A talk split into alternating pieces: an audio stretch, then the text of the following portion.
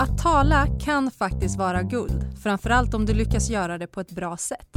Det tycker i alla fall jag. Och den här veckan har jag med mig Jan Markusson som är författaren till boken Tala inför folk. Han berättar i det här avsnittet om hur du blir en bättre talare. Det här är Arbetsförmedlingens jobbpodd med mig, Priya Eklund. Välkommen hit Jan! Tack så mycket! Jag har bjudit in dig idag för att vi ska prata om någonting som faktiskt är jätteviktigt. Och det är att tala inför folk. Mm. Och här kan man ju tänka sig en, en stor världsartist som eh, har någon konsert inför flera, flera tusen.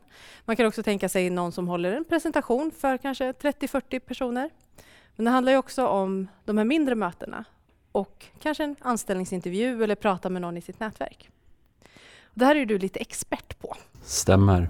Vill du berätta lite mer kring just eh, vad du har gjort och liksom varför du är expert på det här? Alltså bakgrunden till att jag gett mig in i det här fältet är att jag undervisar på läkarprogrammet eller vid Lidköpings universitet på flera program om hur hjärnan funkar, hur tankar fungerar, hur känslorna påverkar tankarna och hur man blir påverkad i sitt beteende eller sitt agerande. Eh, beroende på hur man mår eller vilken situation man befinner sig i. Mm alltid på de föreläsningarna så, så använder jag mig av demonstrationer, tar jag fram studenter och då slår det aldrig fel att de blir väldigt stressade inför 120 personer där de ska göra enkla saker som de normalt sett kan. Så blir det liksom en, en svårighet och då, då kan man visa hur, vad, vad händer liksom när allting ställs på sin spets. Jo, då händer det saker med som gör att det blir svårare. Så utifrån grundkunskaper om hjärnan och människor också, och jobbar jag också med människor terapeutiskt så, så hjälper man när det är svårt. Till exempel in, vid scenskräck. Då, så det är bakgrunden. Mm. Och när man säger scenskräck, då blir det ju lätt att man tror att det är just det här med att man måste stå på en scen. Mm. Men behöver det vara så? Nej, scenskräck är en alltså, populariserad term för vår då, rädsla när vi hamnar i en skarp situation, i en social situation framför allt då vi som människor blir granskade av en annan, alltså en annan människa. Det kan vara en människa eller det kan vara tusentals människor.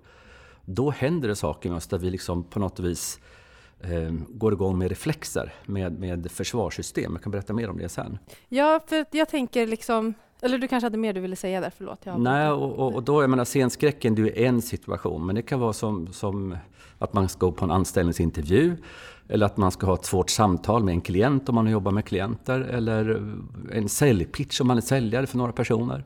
Men, men liksom, det är samma funktioner som träder i kraft. Där det blir en anspänning och ibland för mycket anspänning. Mm. Men vad är det då som händer? För jag, kan, jag tänker så, när vi, när vi informerar ja, men, personer som tittar på våra webbinarier och sen så pratar vi om anställningsintervjun. Mm. Man förbereder dig så mycket som möjligt och läs på om företaget och så gör du det här och det här och det här. Och så kanske man ändå går till intervjun och tänker att eh, ja, men jag är förberedd, jag kan det här. Och så sitter man framför den här intervjuaren och så får man det här, som många säger, jag, får, jag fick en blackout. blackout mm, precis. Vad är det som händer i hjärnan? Um, det är en vanlig reaktion för det första. Då. Och sen är det så att det, det är så man förbereder sig på en sak, man förbereder sig på läxan, så man kan läxan.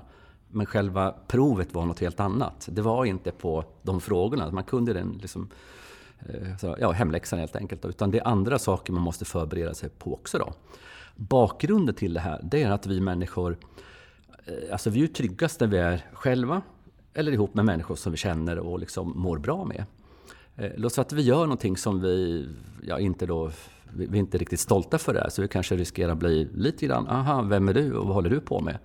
Och kanske ännu mer, man kanske inte får vara med i gruppen. Det väcker starka känslor i oss. Så att när vi blir granskade av människor så kommer en gammal reflex in i oss att vi är egentligen rädda att bli uteslutna ur flocken. Och då går en reaktion igång i kroppen som är helt omedveten. Det är inte ens på känslonivå, den är på en reflexnivå, på hjärnstamsnivå. Okay. Det är ingenting egentligen man kan göra? Inte om reflexerna har gått igång. Då, liksom, då, då slår den ut fullt ut. Då bankar hjärtat, det känns i maggropen. Eh, rösten blir kanske lite eh, heter det, ljusare. Man blir rädd i ansiktet och man ser allmänt ansträngd ut. Så att liksom, det syns att hela nervapparaten har gått igång. Och det är en reflex som är helt automatisk. Och det är en reflex som är till för att skydda oss. Så egentligen är det till för att oj, du ser farlig ut, zoom, då springer jag härifrån. Men den är ju inte riktigt ska säga, funktionell i en anställningsintervju om Nej. den då går igång. Och det sista den gör, och det kommer sent, det är att den också i stort sett krackelerar tänkandet. För att, att om jag ger dig nu mitt telefonnummer mm. och så skulle du få det. Och sen så stressar jag dig väldigt med någonting. Visa upp en skräckinjagande djur här. Så blir då, då kan inte du tänka vad det telefonnumret var. Du tappar det. Och så blir det också skräcksituationer när man får scenskräck. Vad var det jag skulle säga? Vad var min pitch vid anställningsintervjun? Vad var den röda tråden? Jag kanske tappar allting. För då ligger den liksom på en lättstörd nivå där liksom själva den, den nyinlärda tanken är väldigt, väldigt lättstörd.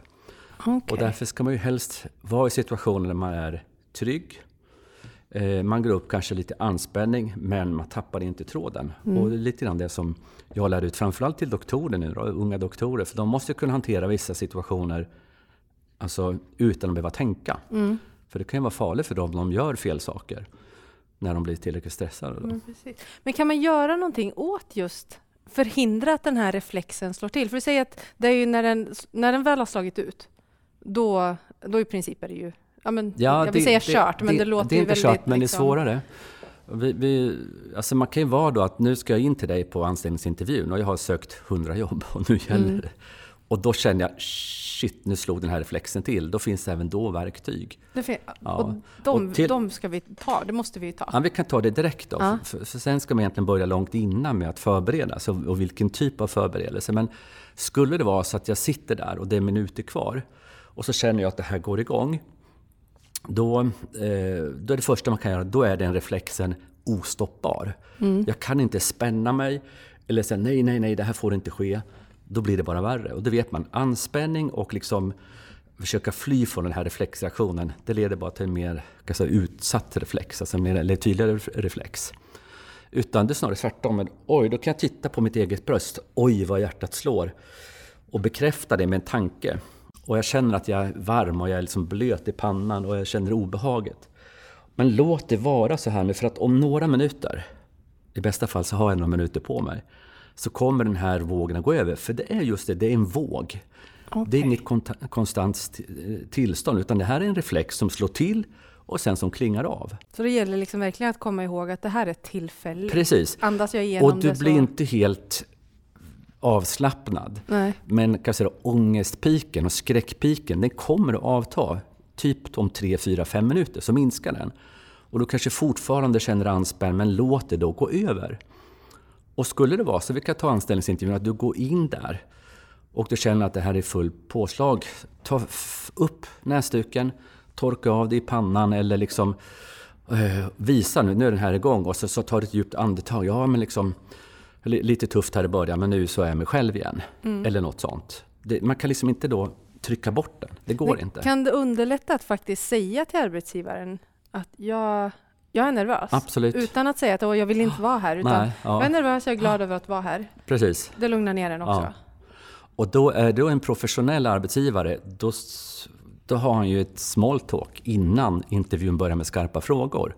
Så säger man, ja men det var vad det nu var, fint väder eller det hände något på nyheterna i morse. Så då pratar man i tre, fyra minuter. Så individen får lugna ner sig och göra sig själv rättvisa. Men den här vågen kan inte viljemässigt stoppas, för den har satts igång. Okej, okay, så det går inte att säga så här, oj nu, nu struntar vi i det här. Utan bekräfta Nej, det... att ja, men så här är det, jag Precis. vet att det går över. Kanske mm. nämna då att mm. så här, jag är nervös just nu. Mm. Finns det några fler verktyg? Eh, just där, låt säga att man har en liten läxa, man vill få ur sig vissa saker. Det kan vara bra att veta då att nästan oavsett när jag blir väck mitt i natten så ska jag kunna väcka dig, så ska du kunna den läxan. Så mm. det du tänkte säga ska sitta så djupt så att du nästan inte behöver tänka. Mm. Så när man väl då vaknar ur den här liksom stresssituationen så var första jag skulle berätta om, mm, vad det nu var, min första cykeltur, eller då jag hände någonting, jag fick ett bra jobb. Eller man har en enkel, enkel ingång som man ja. alltid kan dra igång. En slags ingångstråd. Och den ska man inte behöva tveka på. Så även om man är superstressad ska man kunna dra i det snöret mm. och komma in genom rätt dörr. Om man kommer in i den dörren sen, då går liksom resan av sig själv. För en vanlig fråga som man faktiskt kan få på en intervju, som brukar vara en av de första frågorna, det är ju det här, berätta mer om dig själv. Mm. Eller vem är du? Och, och många kanske tänker att men det kan ju jag, jag vet ju vem jag är, jag känner ju mig själv. Men i den här situationen, när det ändå kan bli så det här, ja men du kanske kan få en blackout, då kanske det kan vara svårt att komma ihåg. Men då gäller det verkligen att det ska vara så pass inpräntat någonstans. Och då handlar det väldigt mycket om förberedelser också. Ja, och jag skulle också... Vi, vi kom, alltså det är också en del av förberedelser. Jag skulle också jobba med kan säga, bildinlärning. Att jag mm. berättar om mig själv utifrån att jag trivs bäst när jag får klättra i fjällen. För då får jag kontroll, eller vad jag nu, då har jag en fjällsituation. Jag utgår från den. Och när jag är där, eller vad jag håller på med, något annat som är viktigt. För det är lika då när jag jobbar, så får det betydelse för ba, ba, ba, någonting mm. sånt. Så man har en enkel ingång som är väldigt, väldigt tydlig. Och som man inte ska behöva komma på eller tänka efter. Nu är vi inne lite på förberedelser. Jag tänker att vi fortsätter där också. Mm. Att eh, just det här med att förbereda sig, säg en bildsituation, finns det något mer jag kan göra redan innan? För att liksom ja. försöka stävja den här ja. reflexen? Man ska börja liksom med en, beroende på vad det är för situation, en anställningsintervju eller ett litet föredrag eller vad det är. Men man får gå tillbaks när man fick den här liksom uppgiften att jag ska dit och göra någonting. Låt säga att det är en månad innan. Då ska man också fundera, vem, okay, vad är det som förväntas av mig där? Och, och, vem är jag i den situationen? Och då är liksom grund, alltså grundregeln i all kommunikation, det är om jag är politiker och håller ett tal eller politiker och träffar en person. Det är att jag säger en sak med medvetandet. Och du känner också att jag menar det, liksom rent emotionellt, när vi mm. pratar med varandra. Men också i mina handlingar så vet du när du har kollat upp min CV eller kollat mig på Facebook så verkar jag göra ungefär som jag säger också. Mm. Så kommunikation handlar om budskap på tre nivåer. Det är liksom hur vi agerar och handlar, hur det känns när vi möter varandra och vad man faktiskt säger. Det ska man aldrig försöka liksom förändra eller låtsas som något annat när vi väl då har en situation där det, jag blir bedömd helt mm. enkelt. För jag kan ju komma till en anställningsintervju och må sisådär. Ja, men då kanske, ska det, då får, kanske det ska påverka hur jag är. Just det, idag är jag och så någonting, det har hänt någonting, så förklarar man det. Och då kommer mitt liksom, viljemässiga budskap kanske förändras lite grann. Det kanske är samma sak, men, men det hänger ihop med hur, hur jag ser ut att vara som människa. Många försöker klistra på någonting. Och så, då uppfattar jag det som, ja men vad, vem är han? han? Han känns ju inte som han, han ler, som han vore påklistrad. Så oavsett vad jag säger där så blir du förvirrad i ditt, alltså din tolkning av mitt budskap. Okay. Och det gäller ju personer, det gäller grupper och det gäller företag. Budskapet måste vara klockrent på de tre nivåerna. Mm. Och det, det, finns liksom hur mycket forskning som helst som visar när vi får olika budskap. En mamma som säger till sitt barn jag älskar dig lilla Klara. Och så liksom vill hon strypa ungen. Liksom. Mm. Det blir fel. Eh, och den grund, säga, man måste fundera över vad man ska vara i det om några veckor. Och så är jag då en blyg person från landet som söker mitt första jobb. Men då ska man vara det. Mm. Då får man också då jobba med sig själv och acceptera att det är jag i den situationen. Eller att jag är nyinkommen till Sverige, jag pratar inte perfekt svenska. Men det behöver man inte säga, det förstår ju den som liksom intervjuat. Då är du den personen, men då har du andra erfarenheter och styrkor som man liksom ska använda sig av. Men man måste acceptera det man är. Och det gör många så mycket fel, att de försöker spela upp Låtsas Lås, vara någonting man inte är för att man tror att upp, man ska ja. Och vad imponera. händer då när man då liksom skruvar upp sig 25 grader eller 100 grader? Ja, då får man en kravprofil på sig, ett slags deltavärde. Mm. Och det är så otroligt lätt att man sticker hål på det så blir det bara pannkaka av allting. Och det måste ju vara otroligt stressande också tänker jag att om jag försöker vara någonting som jag inte är mm. och hela tiden känna så här, undrar om de ser igenom det här. Det, precis, för det är ju nästa fråga. När ska de förstå mm. att jag är liksom fake eller något sånt? Och det behöver inte vara att man är fake. Det kan också vara att man har jag kanske kan leverera 100, så. Det kan jag faktiskt. Men min tilltro till mig själv är 50. Så många tycker att jag, är liksom, jag kan nog ingenting. Eh, så det är inte heller, heller bra. Så att går man dit och känner att antingen att man är för dålig eller att man skruvar upp sig för mycket. Mm. Så att det inte liksom är hand i hand, det man är och det man levererar då skapar ju det osäkerhet i den som bedömer dig och du riskerar liksom att eh, upptäcka det här som skillnadsvärdet. Och det skapar också en psykologisk stress hos dig.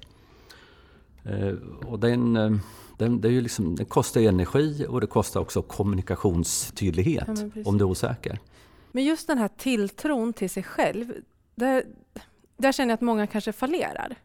Eller att det, det kan vara det man faller på. Mm. För att Ja, men ja, jag vet att jag kan egentligen ja, men producera 100 procent. Liksom. Mm. Men i mitt huvud så har jag, eh, oftast handlar det om att man är så otroligt självkritisk. Mm. Eller att det händer saker och ting. Det, jag får inga jobb, så därför måste det betyda att jag är dålig. Jag, då helt plötsligt är man ju dålig som människa och vi är ganska lätt för att intala oss själva om hur, hur kassa vi är. Mm. Hur kan jag jobba med de bitarna? För, för det är ju så himla viktigt ändå att ha den här tilltron till sig själv. Framförallt om du ska presentera dig för någon som faktiskt kan ge dig ett jobb. Mm. Kan jag jobba på det? Har du några tips kring det? Bara Absolut. I den här boken som jag har skrivit tillsammans med Stefan Sauk, då, det viktigaste kapitlet tycker jag, det är hur man jobbar med sig själv. Eh, vad är det som skapar självkänsla? En del blandar upp, lite ytterligare böcker blandar ihop självförtroende och liksom mm. självkänsla. Men självkänsla, det är liksom den tilltro jag har till mig själv. Alltså det, själva liksom bedömningen jag har till mig själv utifrån det jag själv presterar. Och vad jag själv liksom, alltså jag kan hoppa 1,40, då, då vet jag att jag kan det. Men också vad du tror att jag kan hoppa. Jag behöver alltså signaler också från omgivningen. Så självkänsla är en slags signalgivning mellan mig och mina inre liksom styrkor. Men också utifrån vad omgivningen bekräftar mig. Mm. Och då menar jag inte artigt säger, utan bekräftar i reell bekräftelse. Så en förälder som berättar för barnen att du är bäst i hela världen och sötast och finast och du kan allting. Men i all omvärldsprövning så, så ramlar den här individen och slår sig. Det är ju inte bra för det, det, barnet. Va? Så, så därför bekräftelse som är liksom sann mellan människor, det är ju enda sättet att skapa sig någon typ av självkänsla. Och den kan ju vara på olika nivåer eller höjder då. Men, men oavsett var man befinner sig någonstans, det är där man måste lägga sin acceptans. Jag kan hoppa 1,40, inte 2,40. Och då får jag gilla läget, eller att jag är, ja, är på ett visst sätt som människa. Mm. Jag måste bekräfta mig själv och liksom acceptera mig för den jag är då. Men jag, jag tycker att alla andra är ju så vad de är. Framgångsrika, snyggt och långa alla och snygga. Alla andra hoppar 2,40. Ja, precis så. Men då kommer man ofta in i en egentligen en, det är en falsk tanke, det är ett tankespöke som gör att man underhåller då en negativ självbild.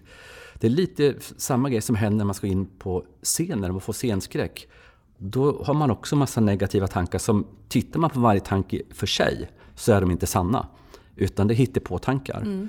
Och det gäller också som regel när det gäller mig själv. Eh, när jag ska till exempel ja, värderas av en publik, då tycker jag att jag är nog inte tillräckligt bra därför att 1, 2, 3, 4, 5. Men tittar man på de påståendena så stämmer inte det. Mm.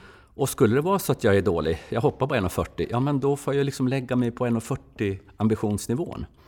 Och acceptera det. Så att acceptansen av den du är, där du befinner dig med dina kompetenser och dina svagheter, det är där du ska vara din trygghetszon.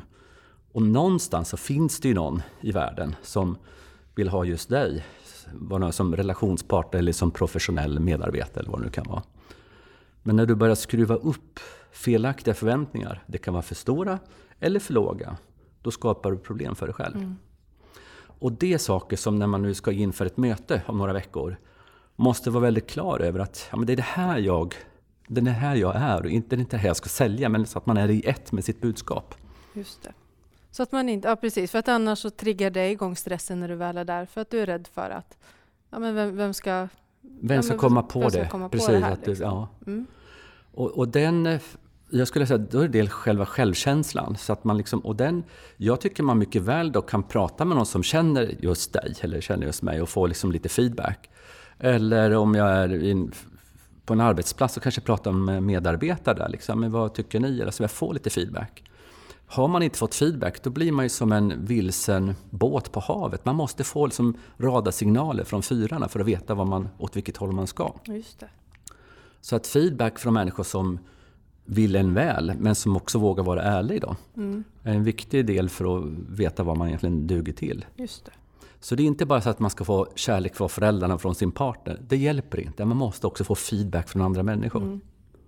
Och sen, jag tänker också att kunna vara beredd på den feedbacken som man faktiskt får och mm. inte tolka det som och nu är det någon som vill göra mig illa. Utan okej, okay, hur kan jag jobba vidare med de här bitarna som jag får till mig? Ja, alltså ödmjukhet, liksom, ödmjukhet någonstans... är ju en bra kvalitet. Så, ha, är man för rädd, då blir man ju bara, då känner man så att man, någon har stuckit en med en nål. Och blir man då arg och går i försvar för minsta lilla, då har man ett bekymmer. Mm. Så att eh, det, det, kan man behöva jobba med. Mm, och där kommer man också in i som jag tycker är viktigt, framförallt i en anställningsintervju, nu pratar vi självkänsla, huruvida jag har en bra eller dålig självkänsla. Det. det. andra är att ha en medvetenhet om mig själv mm. och relation till omgivningen. Det kallar man för självmedvetenhet. Eh, alltså en del kom in som ett, en bowlingklot och bara pff, allting, man ser ingenting utan man är bara ett klot som bara förstör allting. Så. Men om jag sitter i en anställningsintervju, dels så hör jag vad du säger, men jag hinner också känna in dig om du verkar vara nyfiken på mig eller fientlig eller ointresserad. Och då får jag förhålla mig till dina signaler. Så att en självmedvetenhet, är man ju dels medveten hur man känner inombords, vad det nu kan vara, stressen eller välmåendet. Men jag känner också in omgivningen. Så man behöver ju också en fyr för omgivningen. Det är inte bara att de ska se mig, jag måste också vara lite varse. Och kommunikation mellan, som, mellan dig och mig nu, det är ju jätteviktigt att jag ser dina ögon och tar in dig, hur du verkar vara. Mm.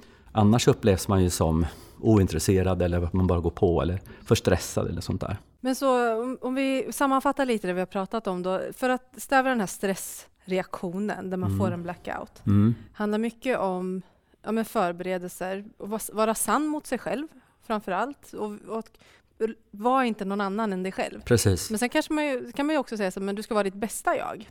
Såklart. Mm. Men försök inte vara någonting som du inte är. För det och var kommer... ditt bästa jag för dagen. För liksom har det hänt någonting, alltså, då får man vara, inte ledsen kanske så, men man får liksom vara lite down då. Eller så man, det, det är bättre så än att spela liksom, inte falsk så, men att det blir diskrepanser är värre tycker jag. Mm. Men sen pratar, har vi pratat mycket om självkänsla och självmedvetenhet och att det faktiskt också påverkar de här bitarna när man sitter där i den här situationen, man känner stressen. Mm. Sen så har vi också nu, eller vi har också tidigare pratat om själva intervjusituationen, när man känner att den här blackouten är på väg, att det går inte att hindra. Mm. Har den slagit ut så har den slagit mm. ut.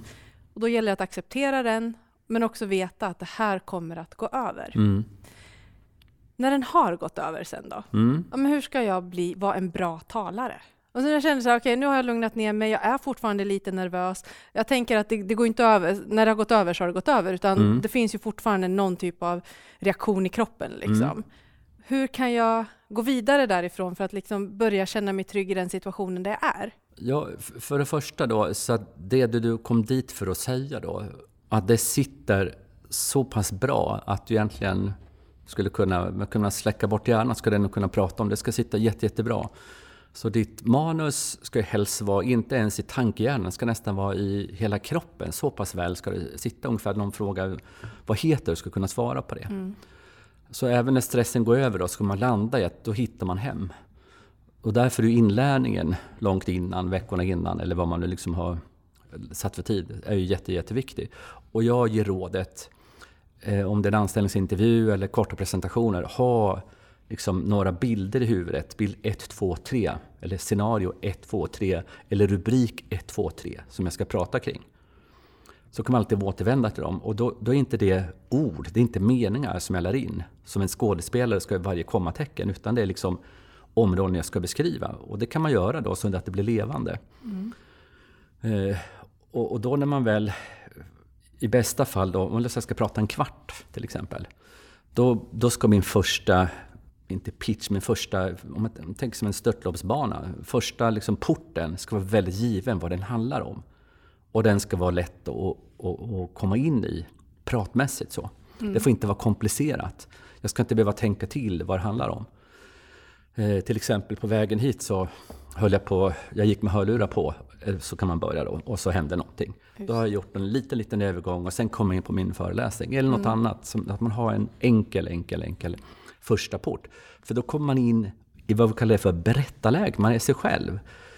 Man behöver inte tänka efter vad, vad är man söker, utan man är i ett berättarläge. Och det kan ju också vara i en intervjusituation att eh, ja, men det går ju att öva på vanliga intervjufrågor. Och att man har de här bilderna, ger exempel.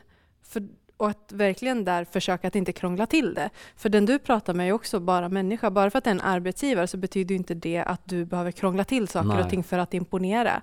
Utan berätta saker precis som de är. Mm. Och kanske då i form av en berättelse.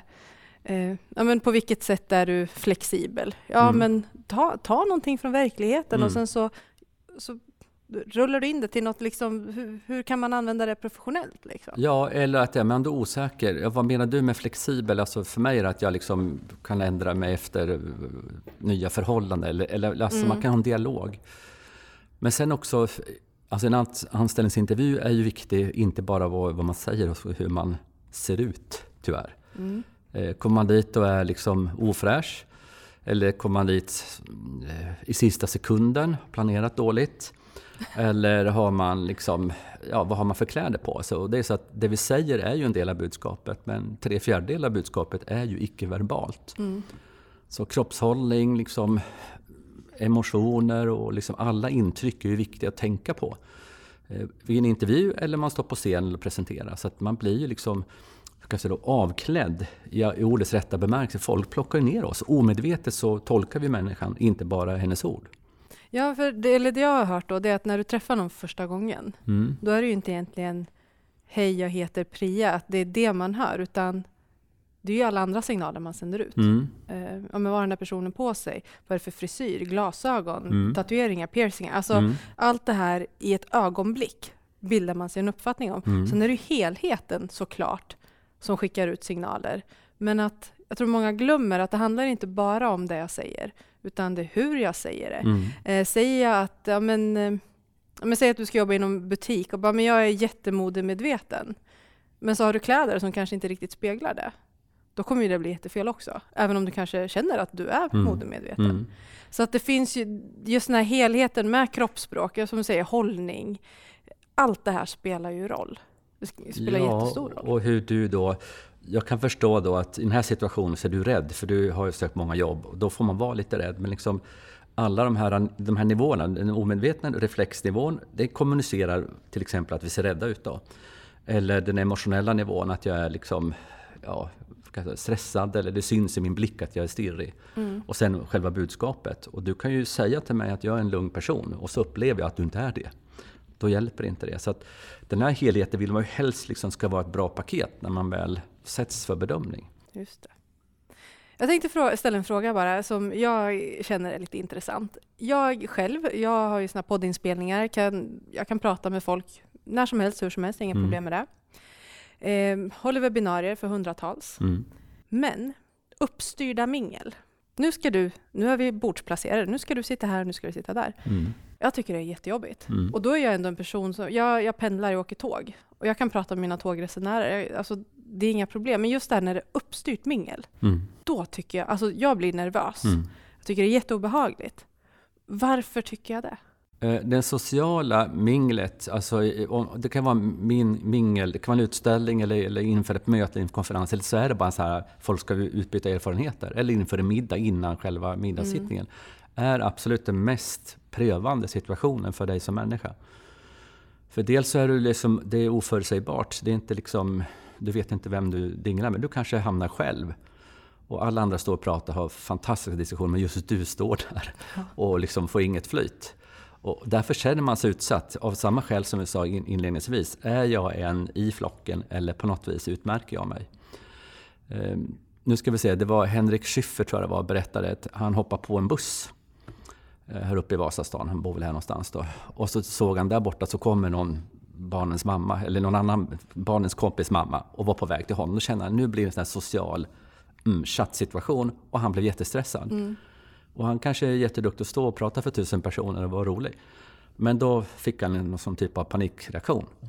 Och det är samma grej där, vi är inte alltid bekväma i de här situationerna och det, det skapar alltså en grundotrygghet. Eh, och den kan, vara, den kan slå till blixtlabb och den kan vara helt ologisk om man, okay. om man tittar på den. Och då skulle man ju kunna då, alltså en viktig, ett verktyg i det här, det är att använda då Eh, försvaret mot känslan. I det här fallet så är det att ha kritiska tankar. Och det, jag använder mig av det själv ibland. Ja, men om jag nu är på den här festen och så det liksom folk far runt där. Men vad är det som gör att jag är rädd? Eh, ja, då kommer jag fram till samma svar här som jag berättade för dig. Att det är egentligen ingenting att vara rädd för. Så att, då tänker jag liksom, men du kan stå här lugnt bara. För jag är liksom en intressant person. Och så räknar jag till en minut. Så kommer någon person och pratar med mig. Och så försöker jag vara trevlig. Mm. Så rädslan för att egentligen att ingen, ingen ska vilja prata med mig? Det är grunden. Det är liksom Tänk om inte du duger i det här ja, fallet. Det. Då. Något sånt. Sen kan det vara att du är uttråkad och du tycker du är ostimulerande människor. Fine, men du borde inte bli rädd för det. Så. Men det där delar du med i stort sett alla, som, alla människor. Du är inte ensam. och ändå envisas oftast arbetsgivare framför allt då att nu ska vi mingla. Ja, nu ska vi, vi kan, lära vi känna ta, nya personer. Ja. Men alltså jag hjälpte en person som är då precis arbetsgivare och ett snabbt växande, ett känt företag i Sverige i liksom hur många miljarder som helst. Han upplever precis det du berättar. Han är inte komfortabel just det här att man framförallt kanske då en, en halvstor social situation och då han då ska liksom, då alla, han är den kända företagsledaren och vad ska folk då säga till honom som är normalt? Det blir, och han ska försöka vara normal. Och han är jättestressad så han har alltså riktiga ångestreaktioner mm. inför det. Så att, eh, men då får man jobba med själva tanken och se, dissekera ner dem där och, och egentligen då motbevisa att du behöver inte vara rädd. Och just själva tankekontroll över känslan, det kan man jobba jättemycket med för att sticka hål på känslan. Och det tänker jag kan vara bra i alla situationer. Eh, just det här med att jobba med tanken, oavsett om det är att man ska... Jag kan, jag kan bli lika nervös när jag ska hålla tal på ett bröllop, när jag själv har sagt att jag vill hålla ett tal och mm. har förberett det. Och jag mm. står där och liksom börjar skaka. Och då är det ju ändå bland människor som jag kanske känner. Mm. Och det handlar väl kanske också då i grunden om att jag är rädd för att de inte ska tycka att mitt tal är bra. Eller? Det är det. Och, och ja. det är så att din, du kan vara duktig talare och du kan vara världsartist.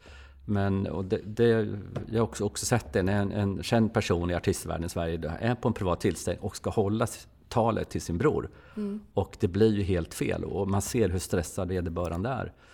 Och då har de här automatiska negativa tankarna tagit över och helt liksom styr bort vad kan jag säga, prestationsförmågan och känslan bara exploderar i huvudet så det blir tokigt med enkla tips kan man få folk där och ta, tanken ta över känslan. Ja. Kan du ge något tips där? Eh, jag, tar, jag kan ge ett exempel själv. Då. Jag sitter och vi ska in i eh, någon morgonsoffa, jag och Stefan. Och vi, in, innan man ska gå in i en direktsändning så blir det liksom viss anspänning. Och det är bra, man ska vara lite, lite taggad. Och jag och Stefan reagerar olika. Alltså Stefan blir, han går runt lite grann i rummet, försöker fokusera, gå in i sig själv. Och då tänkte jag, men nu sitter de två här nu, vad de heter, en, man och en kvinna i, i studion. Eh, ja, vi ska diskutera scenskräck. Och då tänkte jag så här, är det någonting som jag inte kan? Nej, jag kan allt. Jag har undervisat om scenskräck nu i 20 års tid. Eh, behöver jag vara rädd för något? Nej. Det är två personer och det är en kamera. Nej, det finns inget rationellt skäl att vara rädd. Den dialogen hade jag med mig själv. Och då den här lilla anspänningen man känner i bröstet. Ja, visst, det var en anspänning, men det gick aldrig över i att jag blev rädd. så. Och den första frågan jag fick för dem, har du stenskräck nu? Nej, sa men en anspänning absolut. Och då beskrev jag också hur jag kände innan. Och så mm. gick den att sticka hål på. Så att ta tag i känslan, när det är på väg, egentligen innan det här som vi pratade om förut, när paniken har kommit. Innan det sker, ta tag i den känslan. Eh, reflektera över de negativa tankarna, som att du har glömt bort ditt tal, för du ska prata tal ja, till din systers mm. bröllop. De är inte sanna. Och bara att du då motbevisar dig vi kallar det för kognitiv liksom validering då, så psh, sticker man hål på den här jobbiga känslan. Och det går ju på sekunder. Det går jättefort. Och mer, fler tips finns ju i den här boken då, som mm. du och Stefan Sauk har skrivit, Tala inför folk. Så vill man veta mer så kan man ju alltid läsa den. Det kan man göra. Ja. Jag tänkte vi ska börja runda av lite, men äh, finns det någonting som du verkligen känner som det här vill jag skicka med de som lyssnar? Tänk på det här, eller någonting som du vill upprepa, som du känner att det här är så himla viktigt? Ja, där vi inte, alltså många idag måste ju ändå presentera saker, inte, alla går inte på en man ska stå liksom eh, inför folk. Om det är två personer, arbetsgrupper eller vad jag skulle liksom ta, dels att man är sig själv som du sa, att man kan sin läxa. Men sen också ta kontroll över den fysiska situationen. Så att eh, är man på ett bröllop, stå inte längst bak där ingen ser. Då får du faktiskt gå fram framför brudparet, ställa centralt i lokalen eller du är på en scen på arbetsplatsen. Gå fram och liksom mota det som känns jobbigt. För när mm. går du fram och möter det, då visar du med kroppen att du minsann inte är rädd. Då får kroppen också ge dig bekräftelse på att du är inte rädd. Så kroppen hjälper dig att stödja dig psykologiskt. Mm.